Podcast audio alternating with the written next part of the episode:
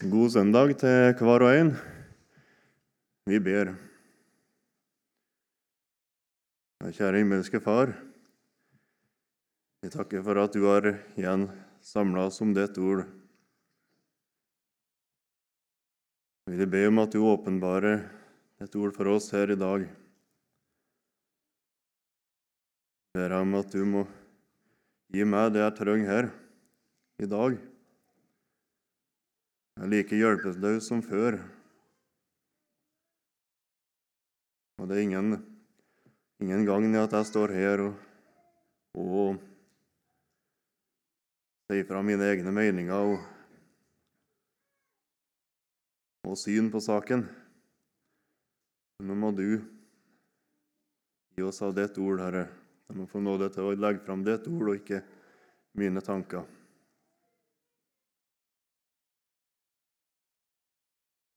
Signe du stunda i ditt navn.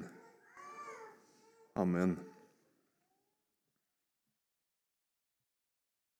Jeg skal lese de tre tekstene som står for dagen eh, etter den gamle tekstrekka. Den første finner vi i Jesaja 60.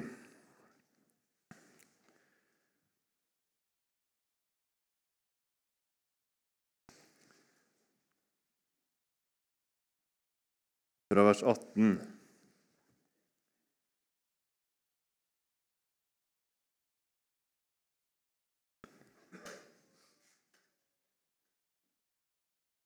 Vi leser Jesu navn. Det skal ikke mer høres om vold i ditt, i ditt land, ikke om hærfang og ødeleggelse innenfor dine, dine grenser. Du skal kalle frelsen dine murer og lovsangen dine porter.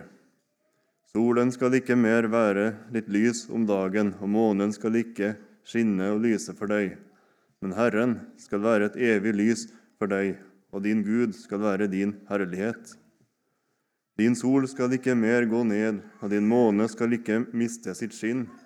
For Herren skal være et evig lys for deg, og dine sørgedager skal være til ende. Og hele ditt folk skal være rettferdig, til evig tid skal du eie landet. De er jo en kvist som jeg har plantet, et verk av mine hender, til min ære. Den minste skal bli til tusen, og den ringeste til et veldig folk. Jeg, Herren, vil la det skje hastig i sin tid. Så slår vi opp i Matteus 5.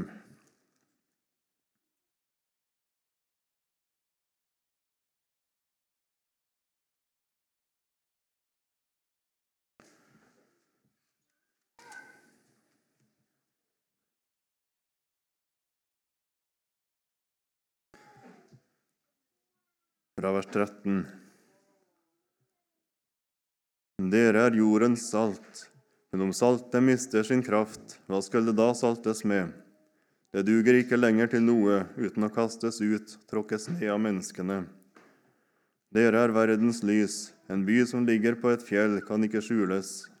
Heller ikke tenner noen et lys og setter det under et kar, men i lysestaken. Da lyser det for alle som er i huset. Slik skal dere la lyset deres skinne for menneskene, så de kan se de gode gjerningene dere gjør, og prise deres Far i himmelen. Så fra Hebreerbrevet 12.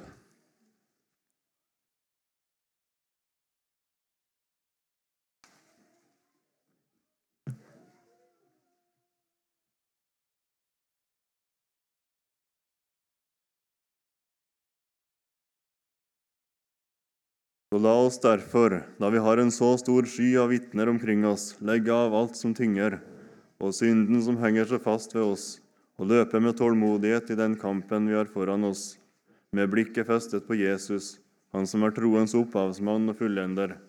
For å oppnå den gleden som ventet ham, led han tålmodig korset, uten å akte vanæren, og har nå satt seg på høyre side av Guds trone.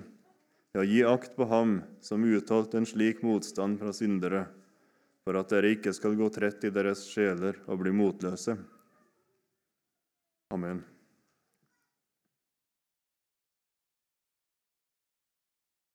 Som vi har hørt, så er det alle helgens dag i dag. Vi skal minnes dem som er døde i trua og Jesus, dem som har nådd fram til endemålet for trua, som er evig frelse hjemme hos Jesus. Og Vi hørte så fint i åpninga om det målet som venter en kristen hjemme hos Gud. Og Jeg har ikke trengt å si noe mer i dag enn det vi hørte til åpning. Vi skal se litt mer på det likevel. Det er et mål som venter der fram hver den som tror på Jesus. Og det målet det er det fullkomne Guds rike på den nye himmel og den nye jord. Og i Jesaja 60, som vi leste først her i dag, der står det om hvordan det skal være der. Det skal ikke være natt mer. Det skal ikke være krig. Det skal ikke være behov for murer og festningsverk. Og det skal ikke være mer sorg og skrik og pine. Det skal ikke være mer død. Alt det her, det hører det her livet til. Denne verden er lagt inn under forbannelse av synda som kom inn i verden. Og alt er lagt inn under forgjengelighet, for at alt skal gjenopprettes i uforgjengelighet. Og Vi skal vite det at det er etter Guds vilje at det er sånn. Og I den sammenhengen skal vi slå opp i Romerbrevet 8.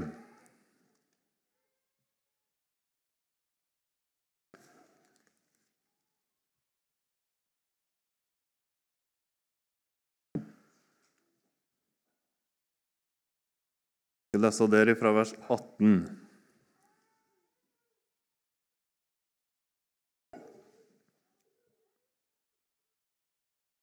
For jeg er overbevist om at den nåværende tids lidelser ikke er for noe å regne imot den herlighet som skal åpenbares på oss. For skapningen venter og lengter etter at Guds barn skal åpenbares. Skapningen ble jo lagt under forgjengelighet, ikke frivillig, men etter Hans vilje, som la den under forgjengelighet, i håp om at også skapningen skal bli frigjort fra trelldommen under forgjengeligheten og nå fram til Guds barns frihet i herligheten. For vi vet at hele skapningen til denne stund sukker sammen og stønner sammen som i veer. er ikke bare det, men også vi som har fått Ånden som førstegrøde. Også vi sukker med oss selv mens vi lengter etter vårt barnekår, vårt legemes forløsning. For i håpet er vi frelst, men et håp som en kan se, er ikke lenger noe håp.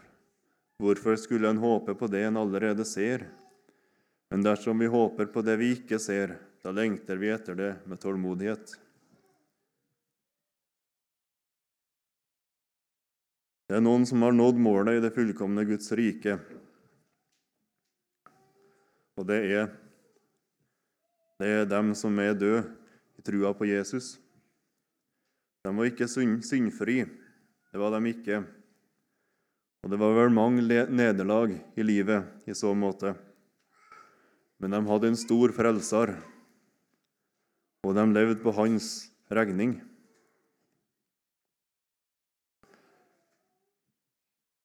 Det er ingen vei utenom, som vi sang i sangen.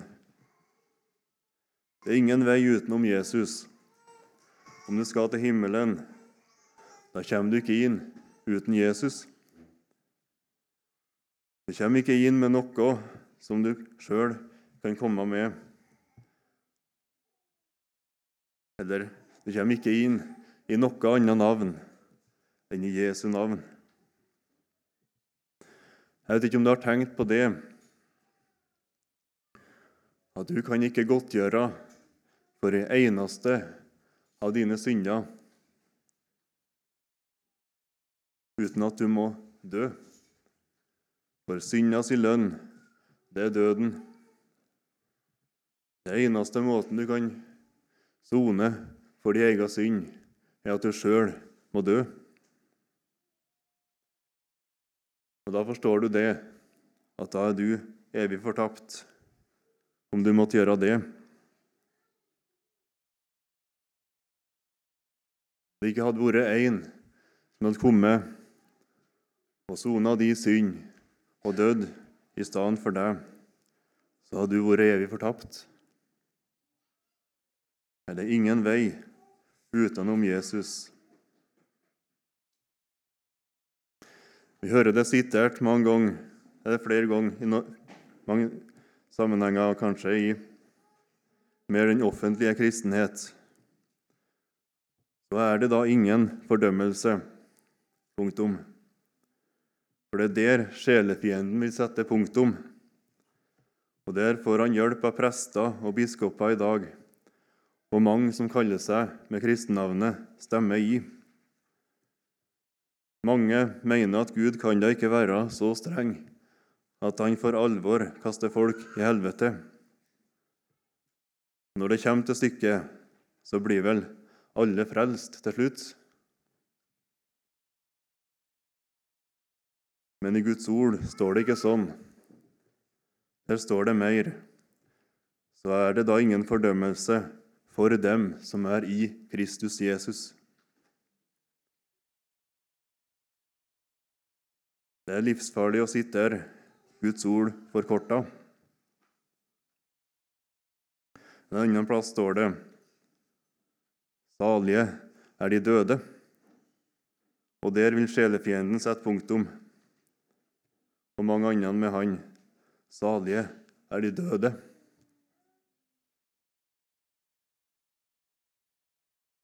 Det er vel behagelig for folk å tenke at det ikke er fordømmelse, og at de døde er salige.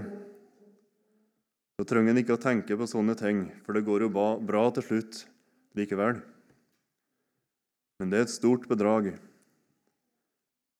For i Guds ord står det, står det sånn i hele vers 13 her i Åpenbaringa 14. Salige er de døde som dør i Herren. Som dør i Herren. Og der går skillet. I Herren. I Kristus Jesus. Og Da vil jeg ta med et eksempel. For det er som med vannskillet. Det er det som avgjør hvor regndråpene som lander, ender opp til slutt. For over ei fjellkjede så renner enten vannet ned på ene sida eller andre sida. Over Andesfjellene i Sør-Amerika er det et slikt vannskille. Vi kan se for oss to regndråper som lander med få centimeters mellomrom, men de lander på hver sin side av vannskillet. Den ene dråpen ender i Atlanterhavet, den andre dråpen ender i Stillehavet. Og det er en stor forskjell. Det er bare et svakt bilde, men det kan overføres til det vi snakker om nå, der spørsmålet er i eller utenfor Jesus. Og det er det store spørsmålet. Vi kan leve i samme omgangskrets, i samme menighet, i samme nabolag, et helt liv, men ende opp på hver vår side av vannskillet når vi lander. Det er mange som spør hvordan skal jeg komme meg gjennom dette livet. For det er så mange vanskeligheter, det er så mange spørsmål som det ikke finnes svar på så kan en slite seg helt ut. Så blir hverdagen så tung, så vanskelig å gjennomleve. Men spørsmålet er egentlig hvordan skal vi gå ut av dette livet? Og det er ikke mange som stiller det spørsmålet. Jeg ville nytta denne anledninga til å minne om det her. Så lett at den ene dagen går og den etter den andre. Og hverdagen den blir så så hverdagslig, kan en si. Og så mister en festet. Det sto i teksten her, hebreerbrevet, om å ha blikket festa på Jesus. Det er noen som har nådd målet. Det er det vi skal minnes i dag. De kalles her i Hebreerbrevet 12 for vitner.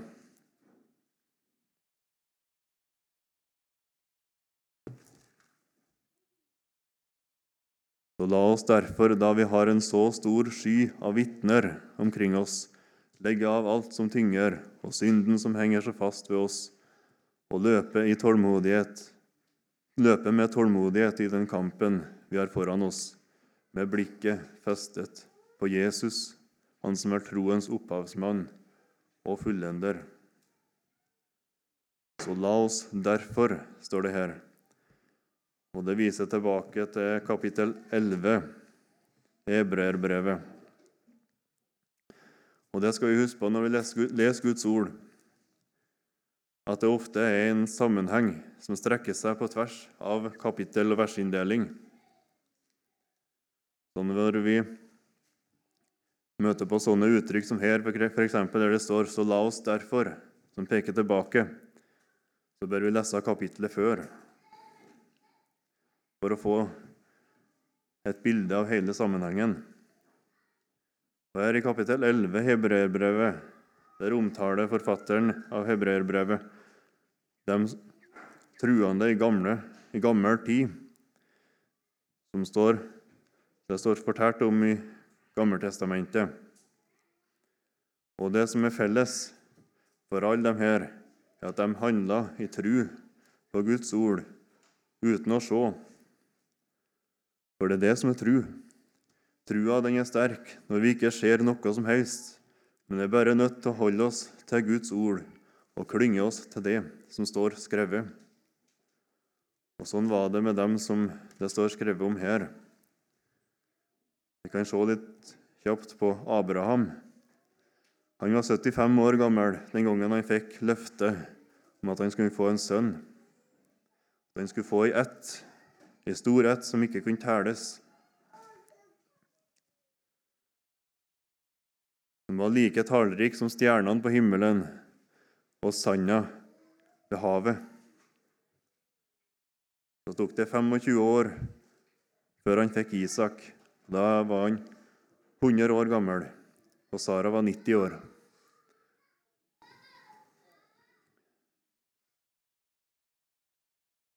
Og når han døde da hadde Abraham to barnebarn. Men han hadde jo fått det løftet at han skulle få ei slekt som var ikke mulig å telle. Når han fikk alder, oppleve det her. Ved alle årene fram til han fikk Isak, så måtte han holde seg til det Gud hadde sagt. Det eneste han så, det var kona, Sara, som var ufruktbar, og at de begge var høyt opp i årene, og at det jo var fullstendig umulig, menneskelig sett, det Gud hadde gitt løfte om.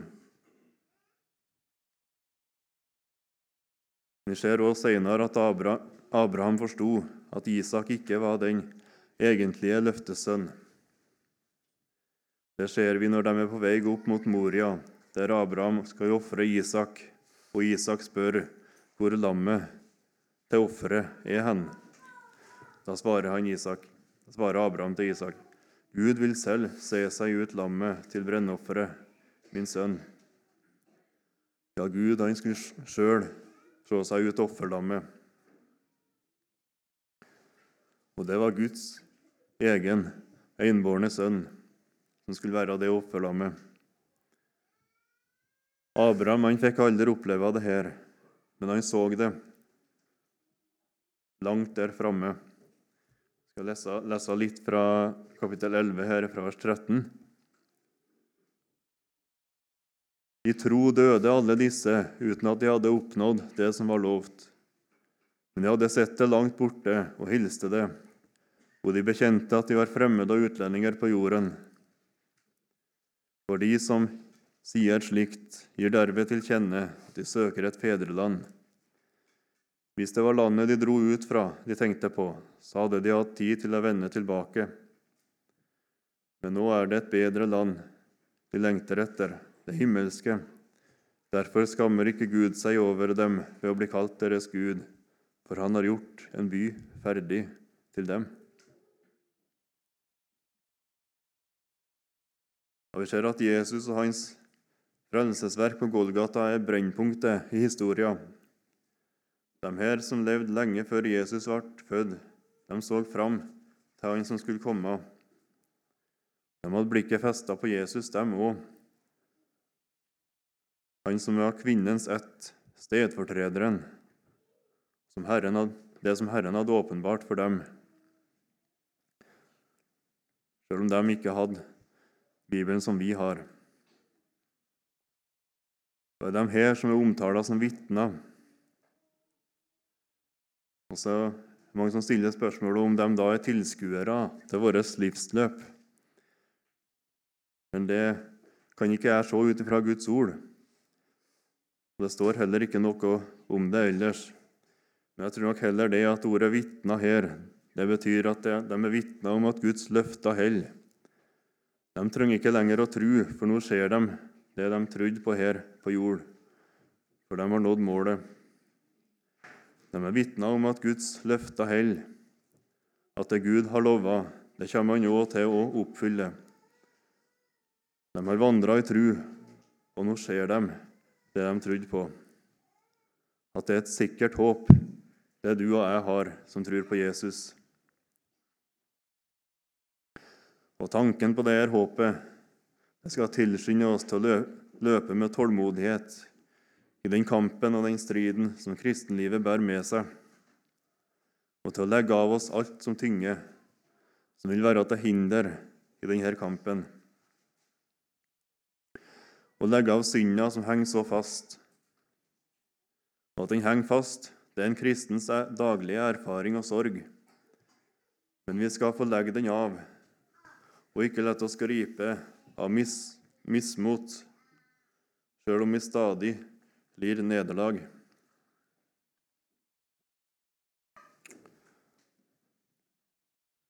Synda og tanken på all nederlag og fall kan bli et stort hinder i vandringa.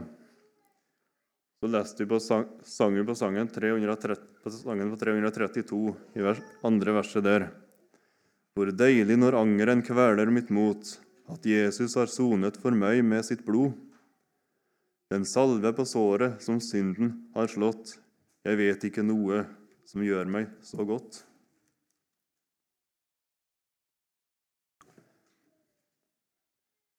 Det er nettopp det som er kan jeg er kilda til nytt mot for en kristen. Å stadig få tre fram for nådens trone og på nytt få motta nåde for all synd. Få se det. Det Jesus har gjort for meg, det gjelder i dag like godt som det gjorde i går og dagen før der igjen. Det er så fort gjort å gå trøtt. Og det er vel her den viktigste og den tyngste delen av kampen ligger utholdenheten, det å holde ut helt til enden. Det er så mange som har, har, gitt, har bukka under når det kommer til det der. Det er nok sånn at når en kristen blir trøtt, så kommer mismotet. En ser på alt rundt seg, alt som går imot. Han glemmer å se på Jesus og hva han har i Han. Når en mister festet på Jesus, når blikket i stedet for festes på alt rundt og alt i en sjøl, så kommer mismotet ganske fort. Slå opp i Matteus 14 en tur.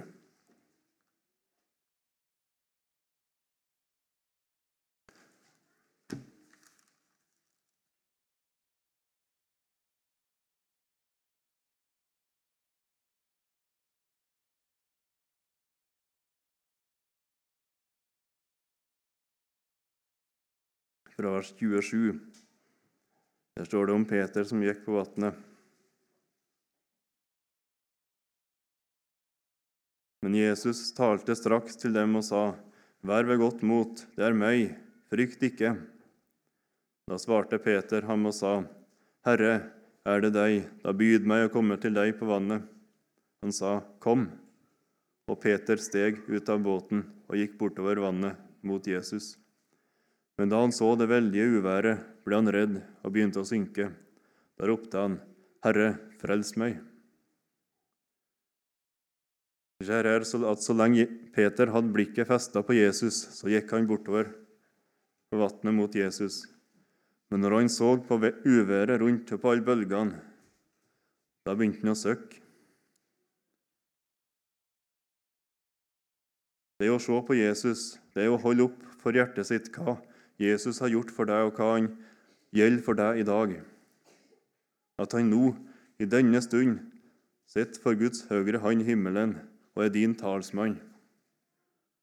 At han som kjenner din sak bedre, er han som kjenner din sak bedre enn du gjør sjøl. Han som har gjort opp for deg og gjort din sak god innenfor Gud. Og det er din grunn til frimodighet innenfor Gud. På grunn av det han har gjort, så skal vi få se fram imot imot det himmelske, det evige, fullkomne riket, for Jesus skyld. Og så lenge du blir i det Jesus har gjort, så er det her ditt. Og som Øyvind Andersen har sagt, nå skal jeg sitte der rent fritt Så lenge du tror på Jesus, så er alt det her ditt. Du skal ikke få se på det som noe langt i fram, framtida, men som noe du har her og nå. Og aller minst skal du få se på det som noe muligens, som du kanskje kommer til å oppnå. Men for Jesus skyld så er det helt sikkert. Skal vi be? Vi takker deg, Herre, for det at du har bana veien helt fram til Gud, fra helt fram til fullkomne rike. Takker vi for dem.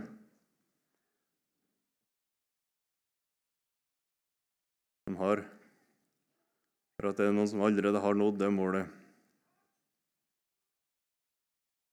Jeg ber om at du må holde det her ordet om deg levende for oss hver dag. Velsigne denne dagen fortsatt. I ditt navn. Amen.